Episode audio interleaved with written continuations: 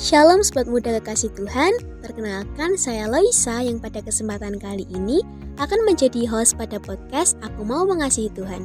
Tentunya Sobat Muda sudah sering mengikuti setiap episode dari podcast ini kan?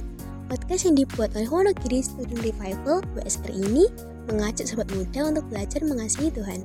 Podcast ini akan rilis setiap hari Jumat jam 3 sore. Jadi setialah mengikuti setiap episodenya ya. Jangan sampai ada yang terlewatkan supaya sobat muda bisa belajar dengan lengkap dan bisa mengalaminya dalam hidup sobat muda semua. Oke sobat muda semua, sekarang kita akan ngobrol-ngobrol lewat segmen PTW, Pinjang-Pinjang Teman Weekend. Pada PTW kali ini, saya tidak sendirian. Saya akan berbincang-bincang dengan tamu spesial untuk bisa belajar bersama. Siapakah tamu spesial kita kali ini? Jangan ke mana-mana, stay tune terus ya. Podcast PTW kali ini merupakan rangkaian dari topik karakter murid Kristus dengan tema iman. Saya sudah bersama dengan questar kita yaitu Mbak Stefani. Yuk kita sapa dulu.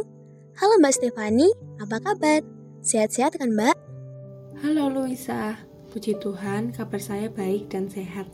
Senang bisa bertemu kembali dalam podcast ini bersama Loisa dan sahabat muda semua. Kalau Loisa, bagaimana kabarnya? Syukur kabar saya juga baik dan sehat mbak. Kiranya sobat muda semua juga dalam keadaan yang baik dan sehat ya. Oke Mbak Stefani, tema perbincangan kita kali ini pasti sudah sering kita dengar dan pelajari. Tapi tema ini selalu menarik. Banyak yang mendefinisikan iman itu tidak lebih dari pikiran bahwa segala sesuatu akan berjalan dengan lancar. Nah, sebenarnya definisi iman menurut Alkitab itu apa sih, Mbak? Baik, untuk memiliki karakter iman, kita perlu tahu ya definisi dari iman itu apa. Betul sekali, ada banyak pandangan mengenai iman. Kali ini kita belajar e, melalui firman Tuhan dari kisah para rasul 27 ayat 25. Kubacakan ya. Sebab itu, tabahkanlah hatimu saudara-saudara, karena aku percaya kepada Allah bahwa semuanya pasti terjadi sama seperti yang dinyatakan kepadaku. Kalau sobat muda baca perikopnya secara lengkap, ini merupakan kisah perjalanan Paulus ke Roma untuk naik banding pada kaisar, karena statusnya sebagai tahanan pada waktu itu. Kemudian kapal yang ditumpanginya itu diombang-ambingan oleh badai, sehingga semuanya pada panik tetapi Paulus menguatkan orang-orang yang bersama-sama dengan dia untuk bertabah hati. Sebab firman Tuhan dinyatakan kepadanya melalui malaikat bahwa mereka akan selamat. Lebih tepatnya pada ayat 23 sampai 24.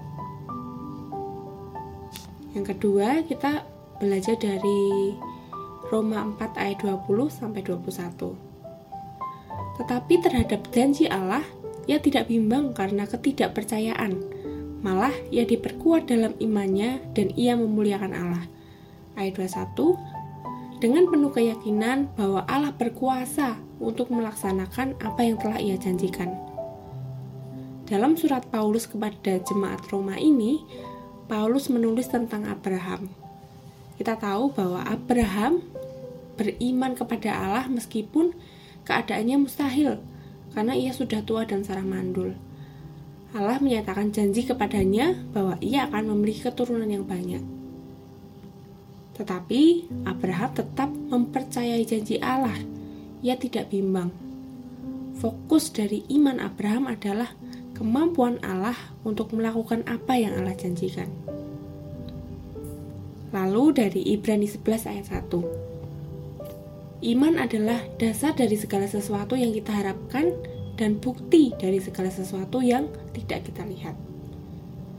Oke, sobat muda semua.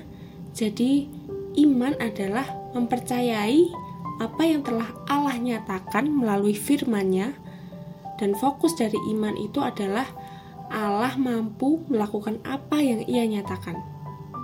Beriman menurut Alkitab bukan moga-moga, tetapi suatu kepastian dan keyakinan.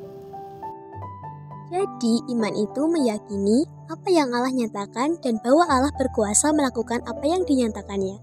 Tetapi, apakah ada hal yang membuat orang tidak melihat bahwa Allah mampu menyatakan pekerjaannya ya, Mbak? Pertanyaan yang menarik, Loisa. Tentu banyak juga orang yang tidak mempercayai Allah. Kita baca Matius 13 ayat 58 ya. Dan karena ketidakpercayaan mereka, tidak banyak mujizat diadakannya di situ.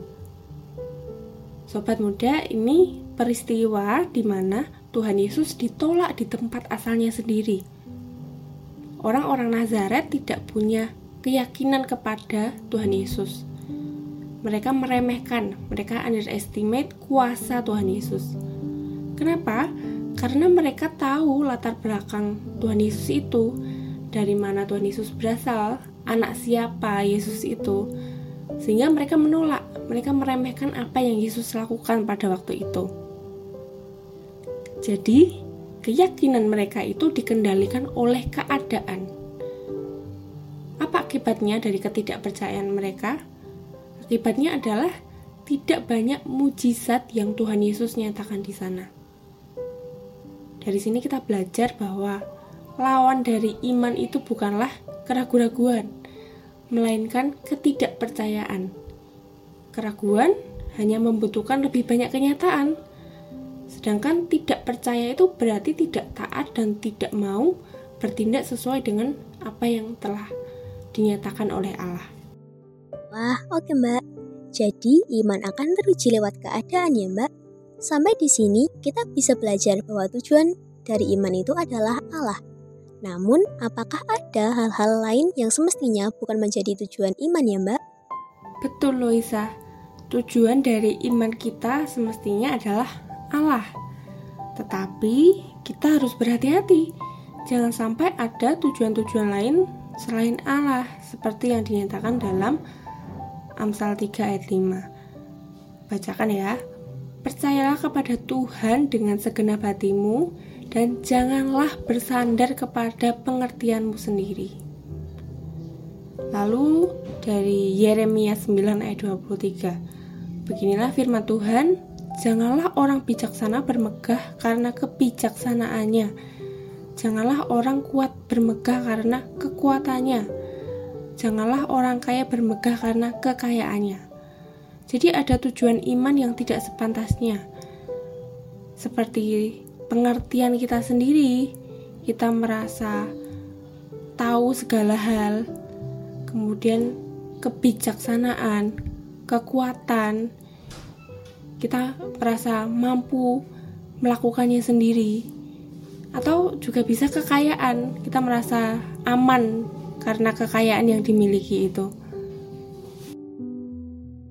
Oke Mbak Stefani, dari pelajaran kali ini, kesimpulan apa yang bisa kita ambil tentang karakter iman itu ya Mbak? Baik Loisa, sebagai murid Kristus semestinya kita menampakkan karakter iman, yaitu mempercayai apa yang telah Allah nyatakan melalui firman-Nya.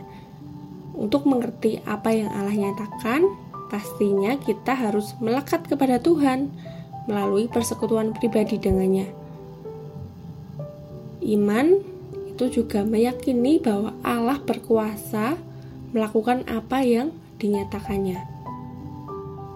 Allah sendiri pun telah menyatakan janjinya dalam Yesaya 55 ayat 11. Demikianlah firmanku yang keluar dari mulutku, ia tidak akan kembali kepadaku dengan sia-sia, tetapi ia akan melaksanakan apa yang ku kehendaki dan akan berhasil dalam apa yang kusuruhkan kepadanya. Dari firman Tuhan ini, Allah menyatakan bahwa firman-Nya itu tidak akan kembali dengan sia-sia, ia akan melaksanakan apa yang dikehendakinya. Apa yang dikehendakinya itu akan terjadi. Jadi begitu sobat muda. Oke Mbak Stefani, terima kasih untuk pelajaran yang dibagikan. Berharap perbincangan kali ini bisa menjadi perenungan bagi kita semua. Kiranya iman kita kepada Allah semakin kokoh dan mengalami janji-janjinya. Tuhan Yesus memberkati Mbak Stefani. Sama-sama Loisa. Oh iya, sebelum podcast ini ditutup, ada info menarik loh sobat muda. Wonogiri Student Revival akan kembali mengadakan persekutuan onsite pada 5 November 2022 untuk tema, tempat, dan waktunya akan terus diupdate melalui Instagram Way Student Revival. Jadi, sobat muda ikuti terus dan jangan lupa untuk gabung dalam persekutuan ini, ajak teman sebanyak-banyaknya. Kita akan bersama-sama belajar dan memuji Tuhan. Sampai jumpa di persekutuan bulan depan ya sobat muda. Tuhan Yesus memberkati Loisa dan sobat muda semua.